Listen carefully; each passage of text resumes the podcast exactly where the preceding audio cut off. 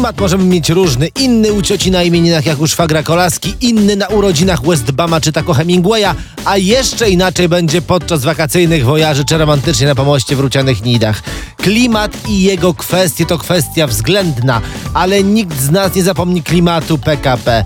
Zimą w toalecie chłodnawo, nawet mrożąco korzystając z tej lodowej groty, latem gorąco czując zapach brudnego oleju w drzwiach, czy zacinających się okien w korytarzach czy przedziałach, aż w końcu pojawia się światełko w tunelu.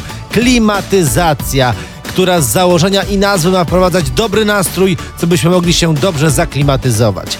Jak się okazuje, w PKP w 2018 roku, no tak nie było. Chciałem być ubogacony przez wydarzenia kulturalne, więc mówię, jedziemy na Sopot, jedziemy na festiwal Top of the Top w Oberze Leśnej.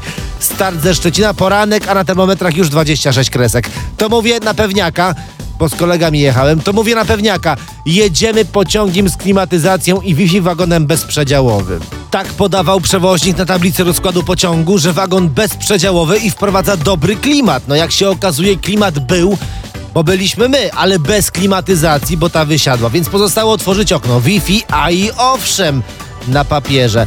Więc kumpel pyta, Tomek, gdzie to Wi-Fi? Gdzie ta klima? Wi-Fi udostępniłem z telefonu prywatnego, to było jak był zasięg. Klimat w wagonie był, jak się okno otworzyło. Na wakacyjne wyprawy pociągiem, tak na przyszłość, absurdalnie. Zabierzcie i bluzę, i woreczki lodu. Jakby za mocno chłodzili, to się ubierzecie, a jak za gorąco, to lodem prywatnym można się schłodzić, bo rozkład i skład pociągów, no to jakby absurdalnie nieaktualne.